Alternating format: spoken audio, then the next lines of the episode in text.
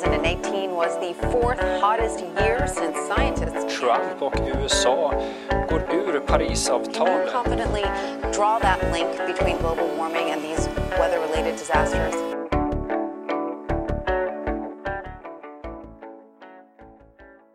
Du lyssnar på ett nytt avsnitt av Planet och politik eh, med mig, Lorentz Tovatt. Jättekul att du är med. Idag ska vi prata om något så sexigt som synergieffekter. Eh, det är faktiskt sexigt på riktigt, så det, det kommer ni få höra eh, i det här samtalet som vi ska ha. Eh, min gäst heter Mikael Karlsson. Han är sedan länge en av de mest flitiga miljödebattörerna vi har i det här landet. Han har ju varit, under massa år så har han varit ordförande för Naturskyddsföreningen. Nu är han forskare på KTH. Eh, Han har varit ordförande för eh, European Environmental Bureau. Eh, Väldigt mycket erfarenhet inom eh, området. Eh, Och expert på synergier faktiskt. Så det blir spännande. Vi eh, sätter igång.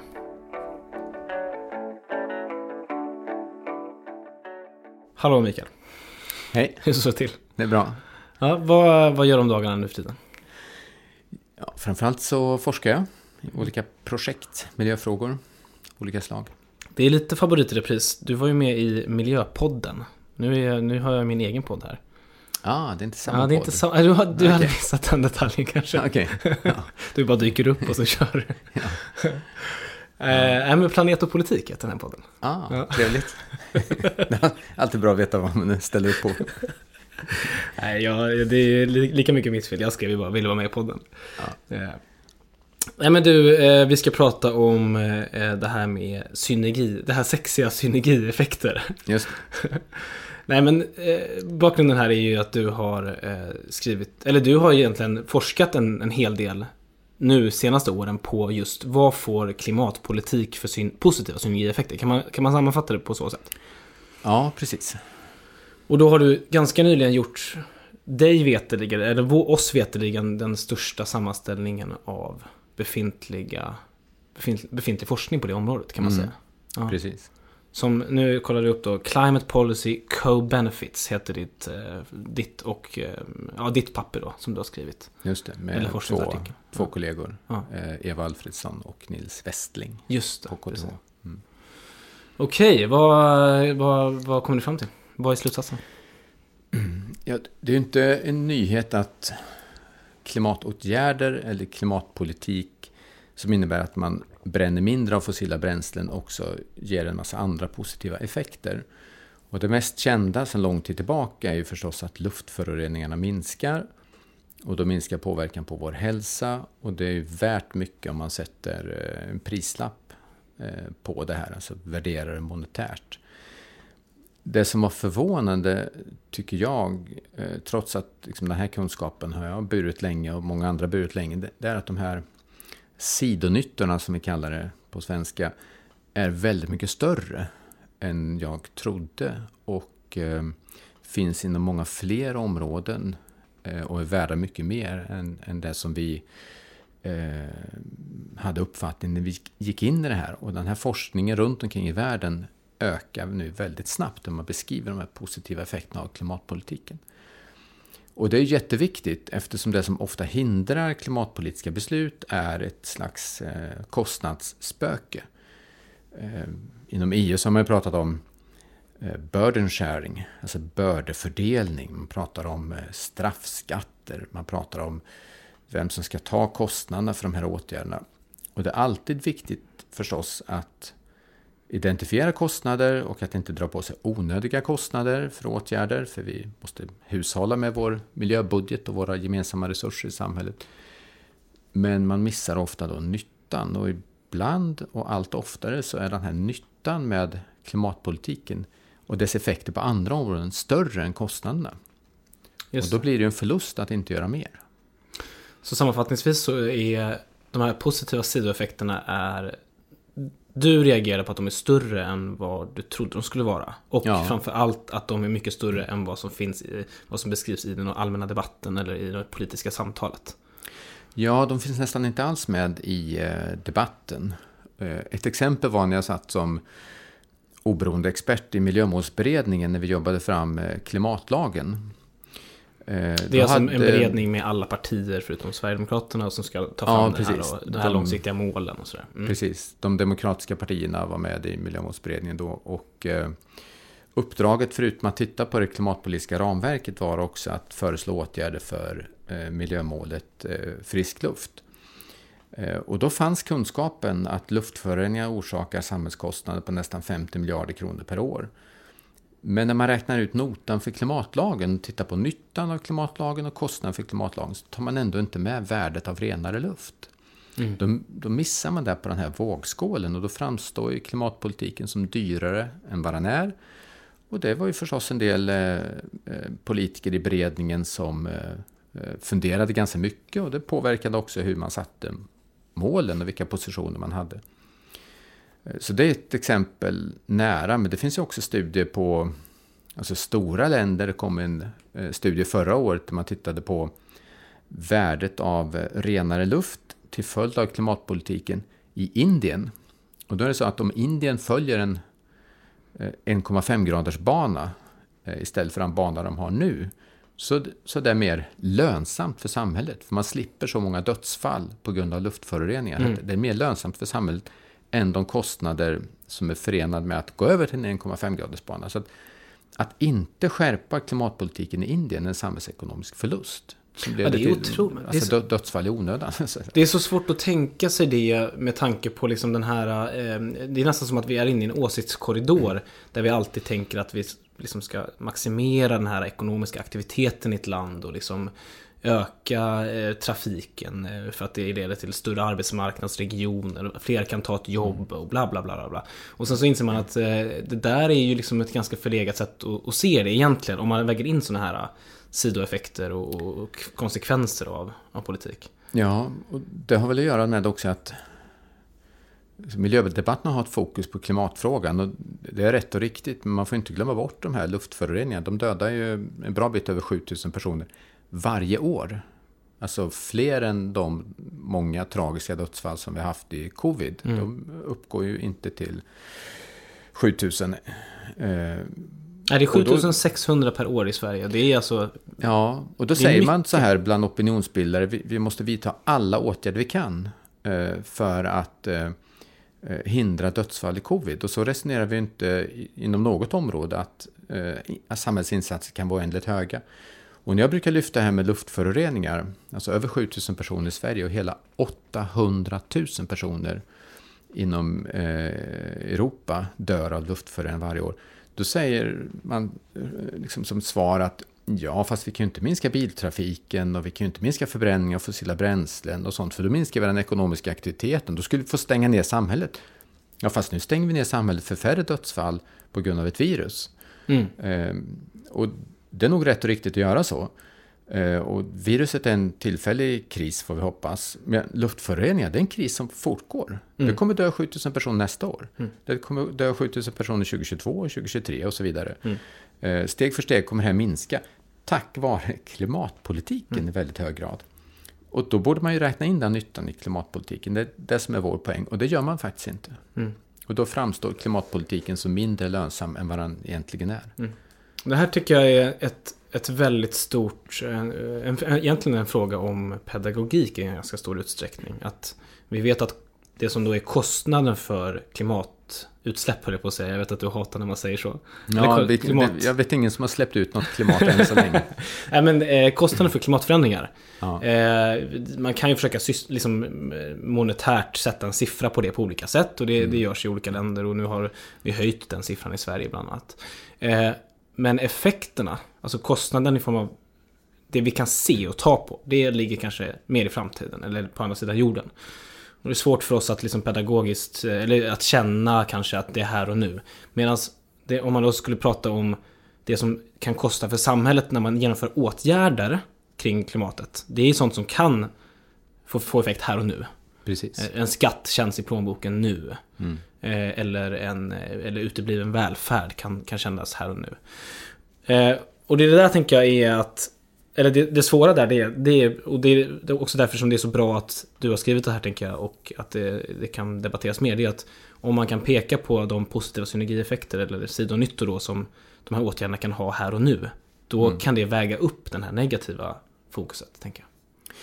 Ja, precis. Om, om man förenklar klimatpolitiken kan man säga att kostnaderna för den kommer nu och nyttan i form av utebliven klimatförändring eh, tillfaller framförallt kommande generationer. Mm. Och är vi riktigt bra i klimatpolitiken så kommer vi aldrig se den uteblivna kostnaden, för då mm. uppstår den ju inte. Mm. Eh, det påminner mig om en, en, en eh, radio, en, en, serie radioreportage som gick på Sveriges Radio, där man sa att miljölarmen som kom av sig. Mm.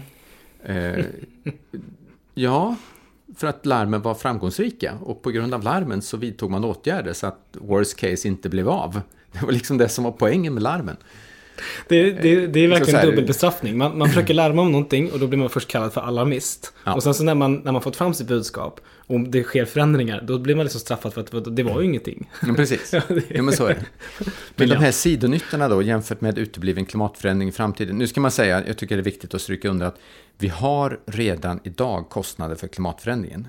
Eh, de finns redan nu. Eh, de är svåra att vetenskapligt visa, men vi ser ju redan nu förändringar i eh, havsytan, vi ser andra typer av förändringar också. Eh, och det blir varmare och varmare och, så. Men de stora kostnaderna kommer i framtiden. Sidonyttorna däremot, alltså den nyttan som följer av klimatpolitiken på luftkvalitet och sånt, de kommer här och nu och kan då vägas mm. lättare mot kostnaden. Och du har rätt i, tycker jag, att det är en fråga om pedagogik. Eh, precis som det är mycket pedagogik kring att berätta om luftföroreningar. Eh, så fort det blir en trafikolycka, jag kommer från Karlstad, Nya Värmlandstiden, då är det vänsterkrysset på framsidan, trafikolycka på E18. Eh, och trafikolyckor är ju inte något bra och det är några hundra som dör och skadas allvarligt, eller något färre nu, i trafiken varje år. Men det är mer än tio gånger så många som dör av partiklarna från trafiken. Men det går liksom inte att fota någon som fick en partikel i huvudet och trillade ner och blev medvetslös eller dog. Ehm, och vi har år efter år investerat många miljarder i trafiksäkerhet, men i stort sett inte gjort någonting alls åt partiklarna som till exempel kommer från dubbdäck och eh, finns andra källor till dem också. De kommer också långväga eh, liksom, in, inom Europa. Eh, men utöver pedagogiken så handlar det här också om ganska eh, här, traditionellt torrt utredande arbete i Eh, av kommunala tjänstemän, eh, av statliga utredningar, av myndigheter och i regeringskansliet. Och jag skiljer ibland på att liksom, det finns ju beslutsprocesser med beslutsunderlag å ena sidan. Å andra sidan så finns det själva beslutet. Och när man fattar beslut då har man en våg med kostnad och nytta. Och då blir det ganska tomt i, nyttoskålen om man inte i den här beslutsprocessen, när man tar fram beslutsunderlagen innan, beskriver sidonyttorna och kanske helst kvantifierar dem i den mån det går att kvantifiera, vilket vi kan göra på luftföroreningar. Eh, hur ska det åstadkommas? Ja, men då måste man liksom göra om eh, kommittéförordningen som styr hur statliga utredningar ska räkna. Det står att man ska se på konsekvenser på en massa olika saker i samhället, mm. men inte på miljömålen. Mm. Nu blir en liten förbättring efter senaste klimatpropositionen, att man ska göra klimatkonsekvensanalyser. Men det handlar ju om åtgärder inom andra politikområden. Vad får de för effekter på klimatet? Min poäng här är att om vi gör någonting för klimatet, vad får det för positiv nytta på andra mm. samhällsområden? Så det är andra sidan på myntet och den ska fortfarande inte utredas.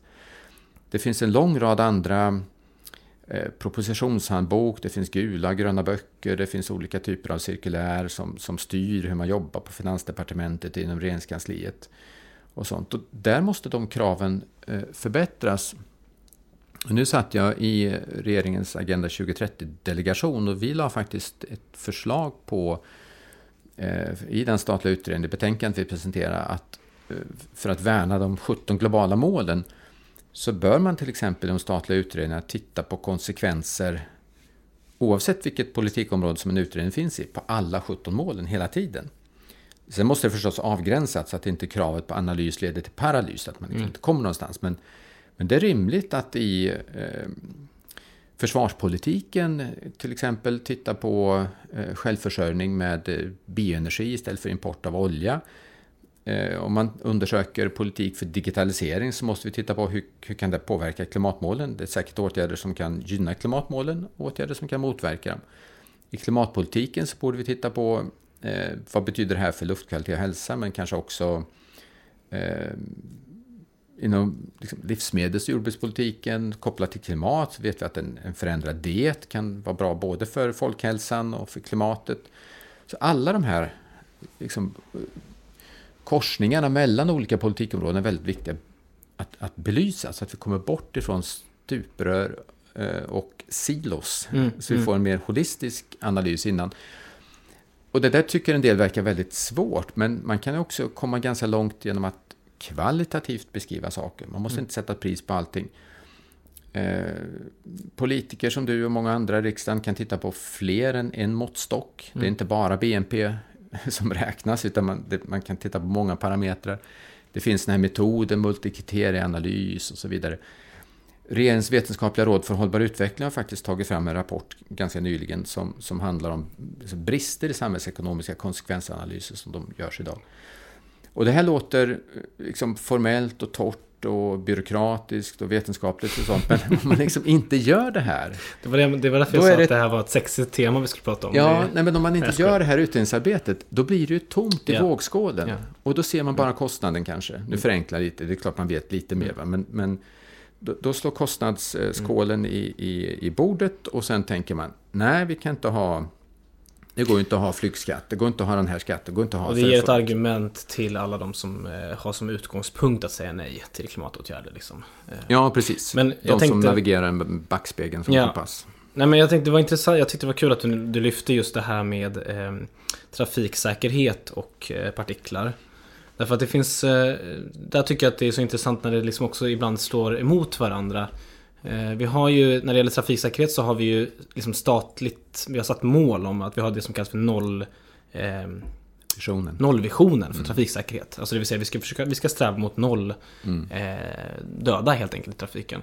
Och det låter ju jättebra naturligtvis och det är klart att vi ska sträva efter det. Men ett av, skäl, ett, ett av konsekvenserna av det har ju varit att man bland annat har breddat vägar eh, och byggt mer väg. Eh, och eh, ibland försökt liksom separera så att det är lättare att ta sig in i städer utan att till exempel eh, behöva komma i närheten av gångtrafikanter eller cyklister och liknande mm. för bilar. Och de där förändringarna har, har på ett sätt då räddat fler liv från eh, direkt trafikfara.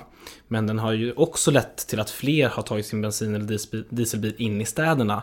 Vilket har lett till sämre luft och i slutändan sannolikt fler dödsfall. Och det där tycker jag är intressant utifrån att just det här man måste kunna väga de här eh, effekterna mot varandra. Jag tänkte, för att göra det ännu mer kon konkret också, så jag, jag, skrev upp en fråga som jag kom att tänka på när jag läste eh, lite av det som du har skrivit på det här temat. Eh, jag tog den frågan som har blivit mest utskälld, bland annat för att den, det påstås att den saknar effekt. Mm. elcykelpremien. Mm.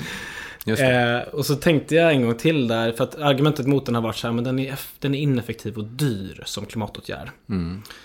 Eh, och om vi börjar med det påståendet så kan man säga att de utvärderingar som har gjorts visar att den inte är det, för den har i ganska mm. stor utsträckning gått till, till människor som har valt bort bilen som en följd av att de har gjort köpet. Liksom. Mm. Men det kan man låta, vi kan låta det vara, eh, liksom det spelar inte så stor roll. Men det intressanta är att hela den debatten som har funnits kring elcykelpremien har ju aldrig några sidoeffekter nämnts överhuvudtaget. Eller jag har försökt nämna dem men det har liksom aldrig kommit fram. Och då, bara för att liksom sätta det här i, i det här perspektivet så kan man ju säga att liksom en, om fler väljer elcykel, men då kommer vi få en, en positiv effekt på trängsel till exempel. Mm. Det är en sån konkret sido, sidoeffekt. Eh, vi får ju bättre folkhälsa för att folk rör, rör på sig. Mm. Eh, vi får just nu i pandemin så kan man ju säga att fler kanske skulle bli, inte bli smittade för att de inte sätter sig på en buss eller liknande. Ehm, vi får eh, bättre luftkvalitet som vi redan har varit inne på. Eh, som helt uppenbart eh, en positiv sidoeffekt. Eh, det finns jättemycket forskning på att folk blir mer produktiva på jobbet om de cyklar. Mm. det finns forskning som visar att man är på bättre humör generellt. Ehm, det finns eh, massa som pekar på den här, den, eh, liksom för hushållens ekonomiska situation så, så ökar det här effektiviteten och så vidare. Så att bara genom, alltså de nej-sägare har ju lyckats stämpla den åtgärden. Alltså det här är inte ett försvarstal egentligen. Nu tycker lite, jag... Ja, lite är det. Ja, men jag har faktiskt jag har borrat ner ganska mycket i den här frågan just för att jag blev så irriterad på alla nej-sägare. Men, men just det här det är ju intressant att det räcker med att peka och säga app, app, app, app, app. Eh, Mm. Liksom, det här har inte tillräcklig effekt, därför ska vi inte göra det. Det räcker med att någon pekar och sen så missas jättemånga andra aspekter mm. av en klimatåtgärd. Och det här var elcykelpremien. Man kan lika gärna prata om miljözonerna. Mm. Eh, eller jo, men... koldioxidskatt eller trängselskatt. Alltså det finns massor av saker som man skulle kunna peka på där, där det finns helt uppenbara sidonyttor men där ingen faktiskt pratar om det. Absolut. Eh, och de är, är, är, stora. Då blir det lite konstigt, tänker jag, som i Miljömålsberedningen exempelvis då. Eh, eller i andra sammanhang nu, eh, att liksom, miljöpolitiker inte tar tillfället i akt att prata mer om de här. För mm. det ger ju ett, ett, stöd, det ger en, en, en hävstång. Eh, nu tror jag att många av de här styrmedlen som kommer nu, elcykelpremien och sånt, jag är inte så insatt i det, men man kan ju tänka sig att de får effekter på kort sikt och sen när man utvärderar den i ett tioårsperspektiv så kan de också få visa sig få andra effekter som blir mycket större på systemnivå. Liksom man förändrar beteende på, på bidrar till att förändra beteende som är djupgående också. Eh, det kan bli överflyttningseffekter och det där är ganska osäkert. Men jag kan tänka att man, man kommer se fler sådana på sikt. Och väldigt mycket av de här konsekvensanalyserna handlar också om vilket pris har vi satt på koldioxid. Mm. Eh, och jag tror inte vi har ett pris på koldioxid i närheten av eh, liksom, vad klimatförändringar skulle kosta om man tittar på kan du förklara vad det innebär att sätta ett pris på koldioxid? För det tror jag folk, det är, det är svårt att greppa. Vad betyder det egentligen? Jo, man kan ju räkna ut så här, men vad kostar klimatförändringen? Mm. Och, och, det som kanske fick mest genomslag eh, som, som en sån här eh, stor, stor game changer, som ju är ett poppis begrepp idag, har jag förstått, i miljöpolitiken. Apropå budgeten. Ja. Det var när Niklas Stern skrev eh, Stern Review, Economic Climate Change, och pekade på att om man tittar på alla eh, sidokostnader som uppkommer och externa effekter och sånt. Och, eh, så kan det handla om ett bortfall av BNP på uppemot 20 procent i, i, den här rapporten. Då, då kan man räkna ut om, ja, men vad, vad kostar det där? Och sen får man ju räkna om kostnader och nyttor i framtiden till eh, eh dagens situation och då gör man det som man kallar för diskontering och då antar man olika typer av räntor och sånt. Då blir det komplext. Men det finns ju massa sådana beräkningar. Vad, hur mycket kostar Eh, klimatförändringen. Och den typen av analyser gjorda i många sammanhang. Så hur mycket kostar klimatförändringen på samhället i form av inverkan på BNP, alltså ekonomiska tillväxt, man tar det som en indikator. Och hur mycket kostar åtgärderna? Det är stort sett alla seriösa kalkyler som är gjorda eh, visar att det är lönsamt. Men då handlar med om åtgärder? Att, med åtgärder, ja.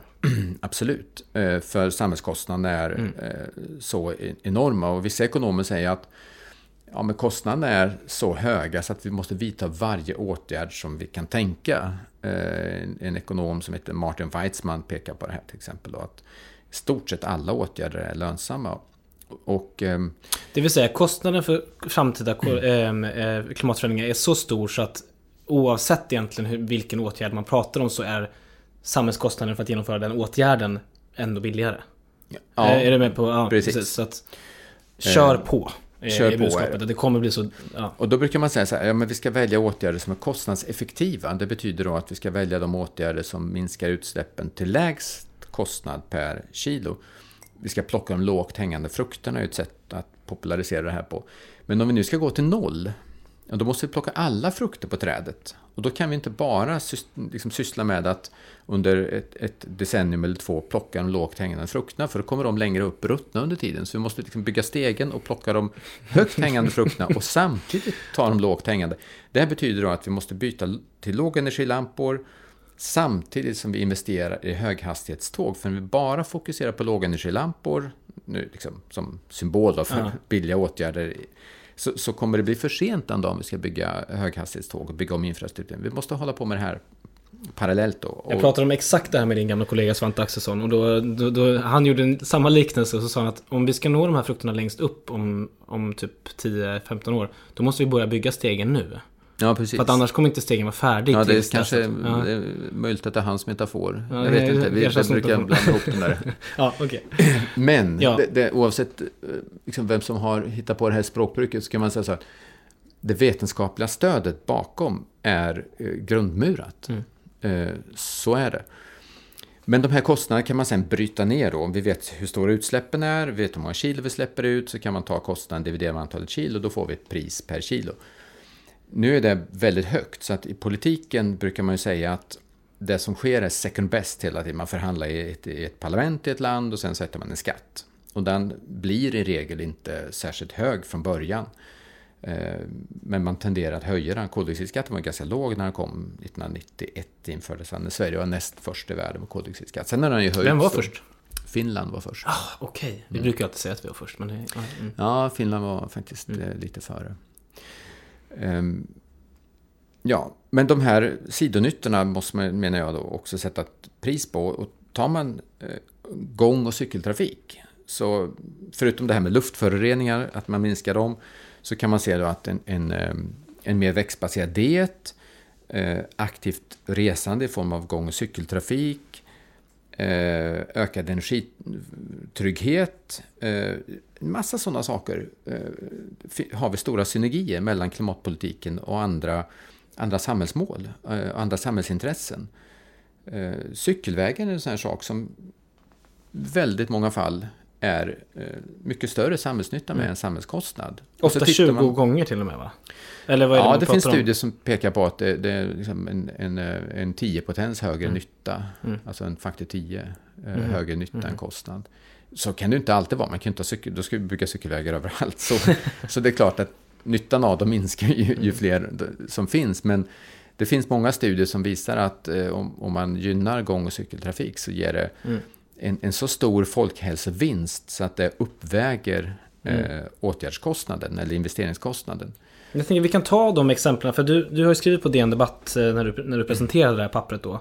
Mm. Eh, en mer växtbaserad diet. För om vi nu, för egentligen kan man säga att nu har vi pratat ganska mycket om luftkvalitet. Ja. Och det är det mest välbelagt att där finns det så uppenbara synergi, positiva synergieffekter. Precis. Men om vi tar de här andra då, en, en växtbas, mer, mer växtbaserad diet. Ja. Vad kan man säga där då? Vi tar dem punkt för punkt här nu. Ja, det finns inte alls lika många studier som på luftföroreningar. Eh, men de som finns visar ju tydligt att eh, minskad konsumtion av framförallt rött kött innebär eh, minskad utsläpp av växthusgaser och samtidigt en, en bättre folkhälsa, alltså färre dödsfall i olika sjukdomar. Så där har vi en sån här win-win som är ganska tydlig. Vilket betyder att om man Eh, titta på åtgärder som, som eh, inom klimatpolitiken så borde man ta in det här också, den, den eh, nyttan som, som finns. Och det här handlar ju inte om att eh, målsättningen är att alla ska ja. bli veganer. Eh, absolut inte, men det finns ju väldigt mycket eh, av köttkonsumtionen som vi kan minska. Eh, som, inte... som, är importerad till exempel. Så jag, men ibland, är det inte så också att ibland det där... ställer man Alltså minskad köttkonsumtion säger man att ja, men tänk på biologiska mångfalder, vi måste öppna landskapet, eh, ängsmarken, hagmarkerna, betande, mul, mulen och så. Ja, men vi kan klara det där och fortfarande dra ner på köttkonsumtionen något alldeles kopiöst mycket eftersom vi importerar väldigt mycket Jag tror bara det är 2% procent som är naturbeteskött i Sverige, är det inte så? Det, det jag kan tänka ja. att man till och med kan... Alltså, Nej, men, net, det, det, nettot i köttkonsumtion kan minska samtidigt som vi ökar betet i Sverige. Exakt, exakt. Men du, eh, får jag bara fråga om den punkten av mer växtbaserad diet. Är det inte också så att man kan säga att en av sidonyttorna med det är att det frigör areal för annat också? Det, eller det kanske är svårare att väga in som sidonytta. Jag vet inte hur man ska tänka kring det där. Eh, för idag, jag, menar, jag tror inte vi har några sådana studier som vi hittade som vi tog med. Men, men det är klart att man kan tänka sig, sig det. Vi, vi, ehm, Eh, absolut. Ja, men man pratar ju mycket om biobränsle eller bio-CCS. Och jag menar, mm. i framtiden, vi vet att köttet tar, vad är det, 85% av jordbruksarealen men står för bara 17% av vårt, vårt protein, bla bla bla. Ja. Alltså att det alltså finns kött, också... kött är väldigt utkrävande. Samtidigt kan man tänka sig att, att eh, köttdjuren äter ju sånt som vi inte kan äta. Så att på det viset. Men jag tror inte det... Jag, jag är väldigt svårt att se att det här är en... Med rätt styrmedel så kan jag inte se att det finns en målkonflikt mellan öppna landskap och biologisk mångfald å ena sidan och minskad köttkonsumtion å andra. Vi, vi, kan stötta, och det, skulle, det gör vi med rätta, vi kan stötta svenskt lantbruk och svenska bönder eh, och, och, och, svensk produktion av mat samtidigt som vi minskar köttkonsumtionen. Det finns mm. inte någon motsättning. Det, det, är långt, långt kvar tills man skulle hitta en sån motsättning i sådana fall. Mm. Eh, punkt två hade du. Det, var, det har vi redan pratat ganska mycket om. Det är mer aktivt resande eh, med cykel eh, och eh, promenad.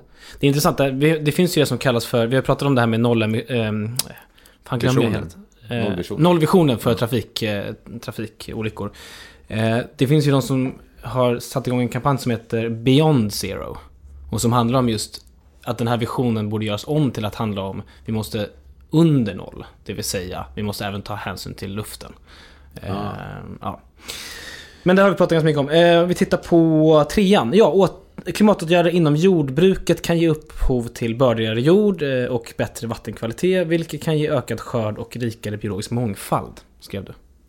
Ja, det finns ett antal studier som, som pekar på det här. Inte bara att använda till exempel biokol och få ner mer kol i marken och sånt, utan också eh, det finns studier som pekar på eh, så bättre produktionsmetoder som ökar risskördar i Kina samtidigt som man minskar avgångarna och utsläppen av växthusgaser och sånt. Så att även där finns det ibland eh, dubbla vinster att, att göra. Sådana här givna motsättningar, det är den jag tycker är så problematisk. Man, mm. man, liksom, ryggmärgsreflexen är, nej men det här är nog inte bra för näringen. Ja, men fundera då på hur, hur ser styrmedelslådan ut? Inom EU har vi en jordbrukspolitik med fruktansvärt mycket pengar i. Gynnar den bönderna och klimatet. Det tror jag inte. Det finns god, god möjlighet att styra om, eh, mm. Eh, styra om det. Mm. Eh, punkt fyra är jag nu på. Eh, energieffektivisering och övergång från fossila till förnybara energikällor kan minska beroendet av energiimport, stärka energisäkerheten och sänka energikostnaderna.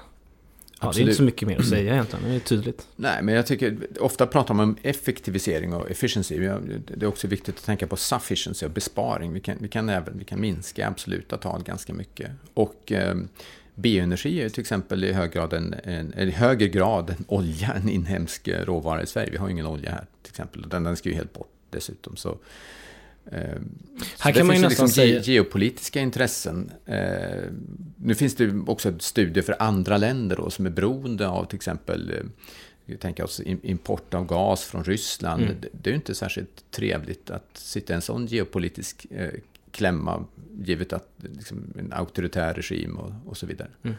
Och här kan man ju nästan, här kan man ju nästan bredda det till att de här synergieffekterna är ju inte heller nödvändigtvis bara ekonomiska eller monetära. Alltså här pratar vi ju som du säger om säkerhetspolitik. Ja, eh, och det alltså vi, vi styr vindkraftverken i Sverige. Ja, exakt. Eh, men vi styr inte vad som kommer i ledningar eh, Nej. från andra länder. Och vi styr faktiskt inte heller helt och hållet tillgången till uran för våra kärnkraftverk och liknande. Så att det är ju... Eh, mm. Eh, även där finns det ju verkligen säkerhetspolitiska aspekter att väga in. Sista punkten. Grön skatteväxling kan bidra till högre välfärd, exempelvis genom sänkt skatt på arbete. Ja. Eh, det är ju ganska säga... välkänt och det finns ju studier som visar mm. eh, att det är så. Eh, miljönyttan finns nog alltid där. Eh, hur effekten blir på sysselsättning kan man fundera på, men jag tycker att det blir liksom tydligare och tydligare att det går att göra på det sättet. Mm. Jag tänker nuvarande liksom nationalekonomiska, vad ska man säga, deras, den grundsynen som finns hos nationalekonomin nu köper ju inte alltid det här resonemanget. Eller de, framförallt så kanske de inte ser de här sidonyttorna eller väger in dem i sina, när, de, när de tittar på styrmedel och liknande. Eh, vad är det som, varför, jag tänker om man rent, rent ekonomiskt sådär, vad, varför, varför köper du inte deras invändningar? En sån, en sån sak som de till exempel skulle invända är att tillväxten är så stark så att i framtiden kommer, vi, kommer det vara billigare att genomföra åtgärder. Eh, alltså det finns ju massa sådana liksom, argument som många nationalekonomer håller på med.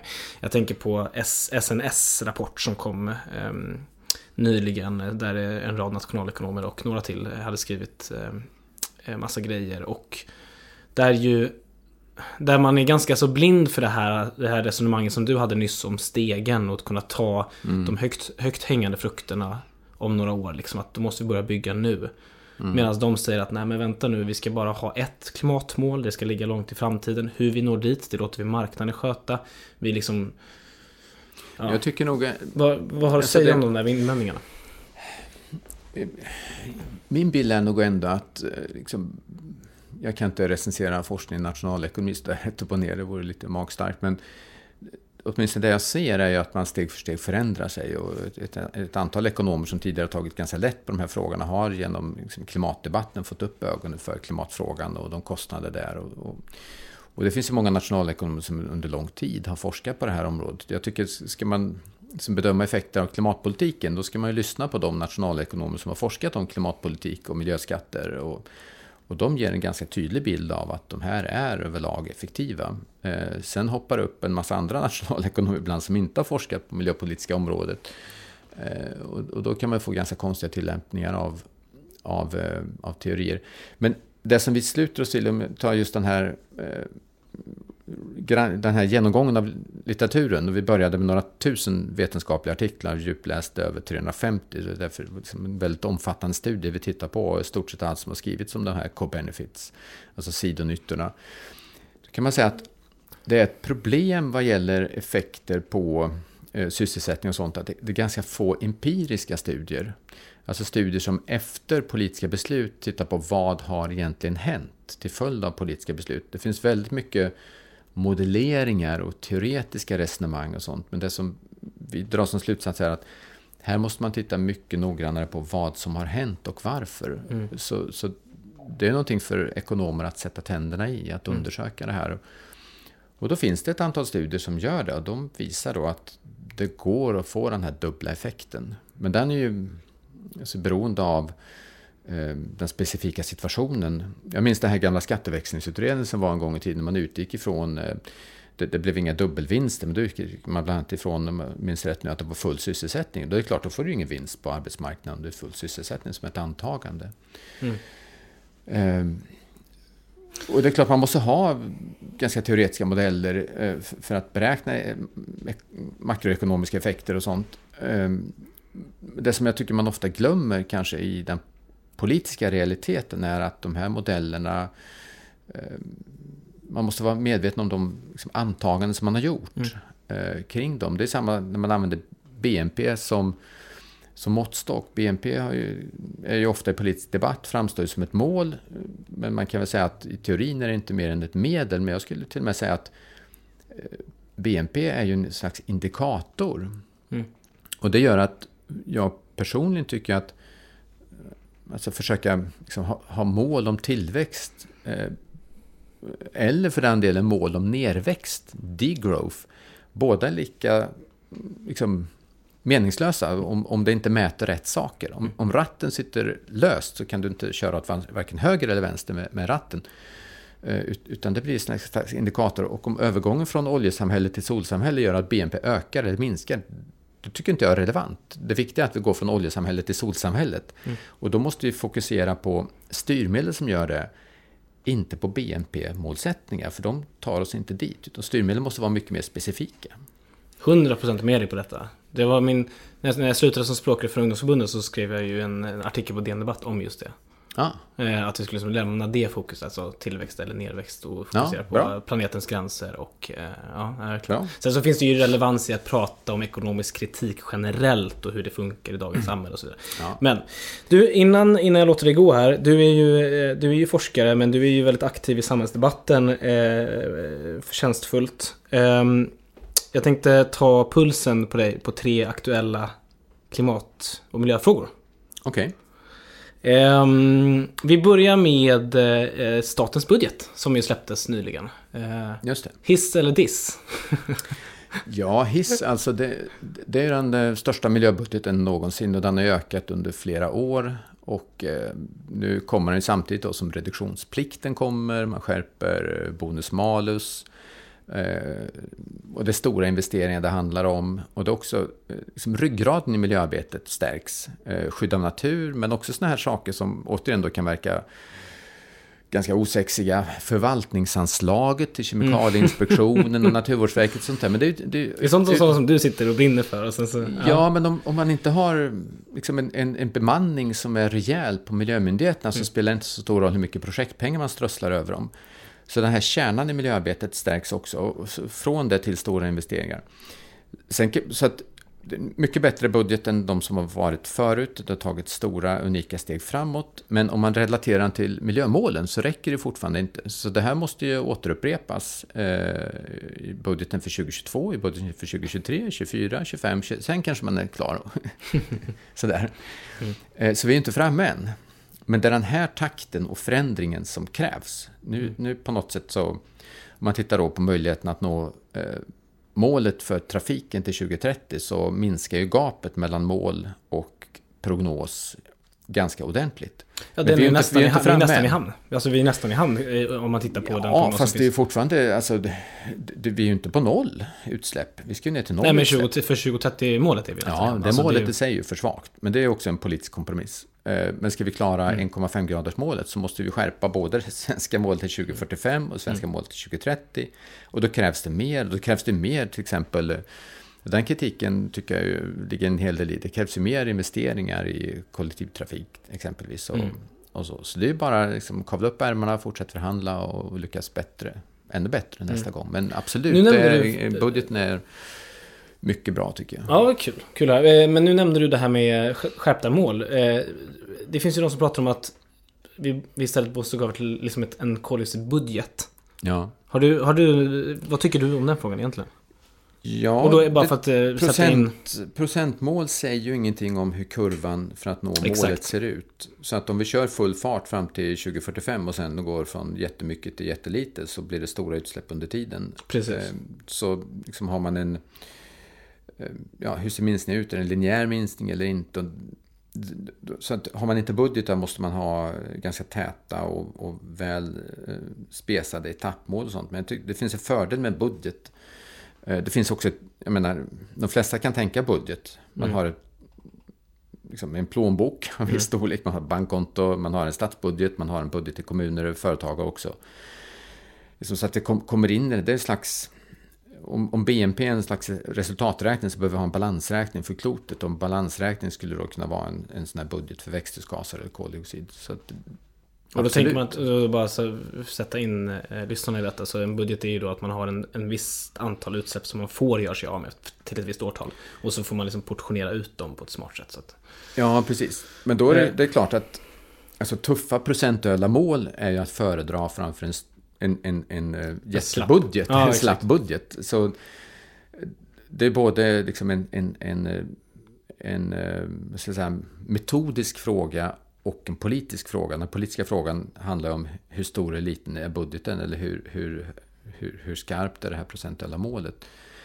Men klimatlagen i Sverige blev ju inte utformad på det sättet eh, som man har gjort i Storbritannien. Eh, nu har man gjort lite olika. Jag har faktiskt sitter och skriver på en artikel om just klimatlagen i Sverige. Eh, så, så det finns en hel del mer att göra med den också. Eh, fråga nummer två. Det här har ju bubblat länge i, i miljö-Sverige på olika sätt. Men kanske ännu mer de senaste månaderna. Det här med biobränslen. Alltså, Ja, är de eh, klimatbra eller är de klimatdåliga? Nu spär jag på den här svartvita, eh, den här svartvita bilden som finns av detta. Men om du får recensera den debatten och komma med, med facit. Ja, men då är, facit är nog att det beror på. Man säger så här, eh, kolkraft, nej, sol och vind, ja, biobränslen beror på. Eh, det finns dåliga biobränslen, absolut är det så. Men de som eh, liksom gör en, en bredsida mot biobränslen, säger att biobränslen släpper också ut koldioxid, har ju på något sätt inte förstått fotosyntesen och kolets kretslopp. De biobränslen vi använder i Sverige idag eh, är genomgående väldigt bra, förutom att vi då importerar till exempel från tropiska skogar, palmolja och sånt. Men om man tar biokraftvärmen till exempel, alltså när man använder svensk skog för att generera både el och värme så är det en enorm fördel för klimatet eh, jämfört, Jämfört med med, eh, fossila bränslen. Absolut är det så. Det blir koldioxidutsläpp, men sen så, så länge skogen, skogsbestånden växer eh, liksom på beståndsnivå eller landskapsnivå och sånt så, så, så under en rotationsperiod så får vi en substitutionseffekt och nästa rotationsperiod i skogen får vi en substitutionseffekt till och så. Alltså, och du så, så så, länge det- alternativet är fossila bränslen så, så är det en, en klar fördel. Det finns oerhört många studier som, som visar att det är på det sättet. Sen kan man säga så här, ja men vad blir inverkan på biologisk mångfald då? Ja, men den beror ju inte på om det vi tar ut från skogen blir en tidning eller el och värme, utan det har att göra med skogsbruket och vad man gör. Och då måste vi skydda mer mark och vi måste ha ett miljöanpassat skogsbruk. Men det har ju inte att göra med vi, hur vi liksom använder råvaran sen. Och, så biokraftvärmen i Sverige är väldigt, väldigt bra skulle jag säga. Vi har också en infrastruktur för det här med fjärrvärme och sånt. Så det, det, är ett ja. väldigt bra system som kommer kunna fortsätta leverera klimatnytta under ganska lång tid. Men här, den invändning som finns, och där jag tror att det också finns ofta missförstånd. Det är ju det här med att folk säger att men det gör väl ingenting för klimat, eller det spelar ingen, det är ingen skillnad för klimatet om den här eh, koldioxidatomen som kommer ut, om den är biobaserad eller kolbaserad. Eller fossilt baserad. Eh, men förklara lite mer det här som du var inne på med, med mm. kretsloppet. Alltså kolkretsloppet. Att det vi gör med, med skogen eller med bioråvara det är ju att man helt enkelt ersätter det sen och får ner det i marken igen. Ja, alltså efter, efter, om, du gör, om du gör ett hygge i skogen. Eh, man kan ha olika mer skonsamma metoder. Men säg att man avverkar. Eh, då ökar utsläppen. Mm. Eh, från marken och nedbrytningen eh, tilltar och det blir, det blir varmare på hygget och så vidare. Så då får du ett nettoutsläpp och sen planteras ny skog och då tar skogen upp sakta och efter ett par decennier så kommer skogen ta upp väldigt mycket koldioxid genom fotosyntesen och marken skuggas och nedbrytningen minskar. Och så får en väldigt snabb tillväxt. Sen fortsätter den här tillväxten så att du lagrar mer och mer kol. Eh, med tiden med inlagringen går långsammare och, och så småningom liksom så får du ett netto som är positivt. Men då kan man säga så här, ja, plus minus noll, vad, vad blev det då? Jo, du bytte ut oljan. Precis. Och sen avverkar du skogen en gång till och så liksom byter du ut oljan nästa varv och så kan du hålla på så. Då kan man säga, ja men vi måste nå klimatmålen nu under några decennier. Ja, fast biobränslet måste relateras till eh, klimatfrågans eh, långsiktighet. Och då måste man ha liksom, perspektivet att liksom, det är ett hundraårsperspektiv och man måste titta på hela energisystemet och hela landskapet. Sen ska vi för biologisk mångfald eh, skydda mer skog, menar jag, för att nå målen. Alltså de mål som vi har om biologisk mångfald förutsätter att mycket mer skog skyddas. Mm. De förutsätter att man ytterligare miljöanpassar skogsbruket. Det måste ske. Mm. Men att liksom, vilja värna biologisk mångfald och använda fejkade klimatargument för det, det går liksom inte ihop för mm. mig. Sen är det klart att import av eh, flytande biodrivmedel, eh, om vi skulle göra det från, från palmolja eller skogar som växer på fuktiga tropiska jordar, där man avverkar dem och det blir väldigt mycket växthusgasutsläpp, transporteras globalt och kommer hit och sånt. Då kan det ibland vara väldigt dåligt. Om man har intensivodling av, intensivproduktion av majsetanol i USA som processas med fossila bränslen, då blir biobränslena heller inte något bra. Medan man kan göra Eh, etanol i Sverige med oerhört hög klimatnytta i svenskt åkerbruk. Och där är ju liksom tidsperioden då från att man släpper ut till att nästa generation växt tar upp ett år bara om man har liksom mm. åkergrödorna. Så biobränslena är ju överlag bra. Sen ska det vara hållbarhetskriterier på dem mm. och vi ska inte använda palmolja och sånt. Det finns liksom gränser för det hela. Men, men i grunden så är det någonting väldigt positivt. När, när du har slutit det kretsloppet, eller snarare mm. så här, när du, när du har använt skog eh, och ersatt olja. Hur många år tar det då, nu, det här är liksom förenklade frågor mm. men det är viktigt att det är, är tydligt då. Hur många år tar det för att man liksom binder in li, lika stor mängd kol? Ja, törs jag säga det? Lika det är väl olika för mängd, olika? Ja, men, men decennier. decennier. Några mm. decennier skulle jag säga. Och här då, om man, för det tycker jag att det... Bara för att förtydliga ditt argument kring det här med att man måste se det i, i, i ett längre perspektiv. Alla är nog överens om att vi måste minska utsläppen så snabbt som bara möjligt här och nu. Mm. Eh, men utöver det så säger till exempel IPCC, de säger så att vi måste minska utsläppen radikalt, men vi måste också gå mot minusutsläpp. Ja. Eh, och minusutsläpp kan man en, kanske enklast nå genom att ha en växande eh, upptag. Och det får man ju kanske bland annat genom att, att eh, eh ja, jobba med bioenergi och helst av allt kanske fånga in den eh, igen. Eh, och ja, ja, använda bio, bio-CCS. För då kan man gå, min, då kan man gå netto minus. Just det. Men till det här kan man ju tänka då att ja, men en, en, gammal skog som står, den fortsätter att lagra kol under, under ganska lång tid. Det finns ett antal studier som visar det.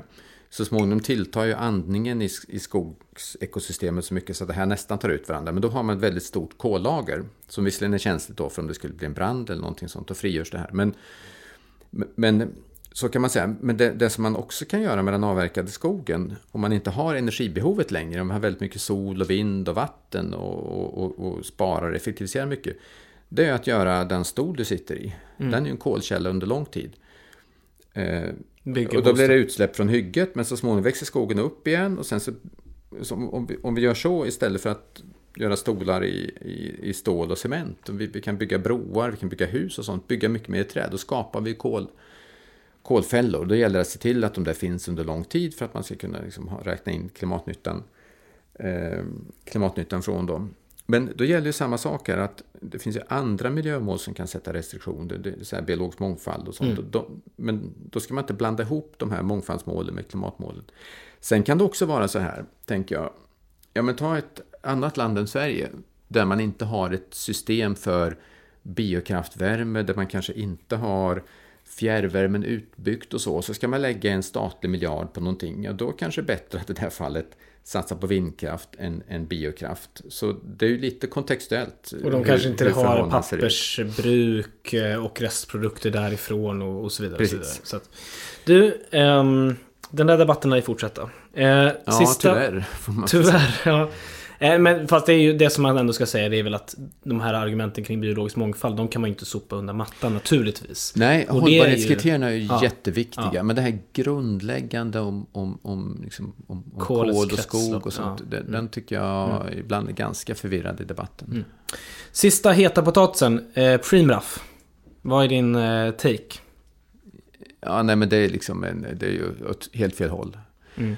Statsministern sa att vi ska bli det första fossilfria eh, landet i världen. Då kan man ju inte tillåta en, en stor utbyggnad, den största någonsin, av en anläggning som släpper ut och som blir den största utsläpparen av växthusgaser.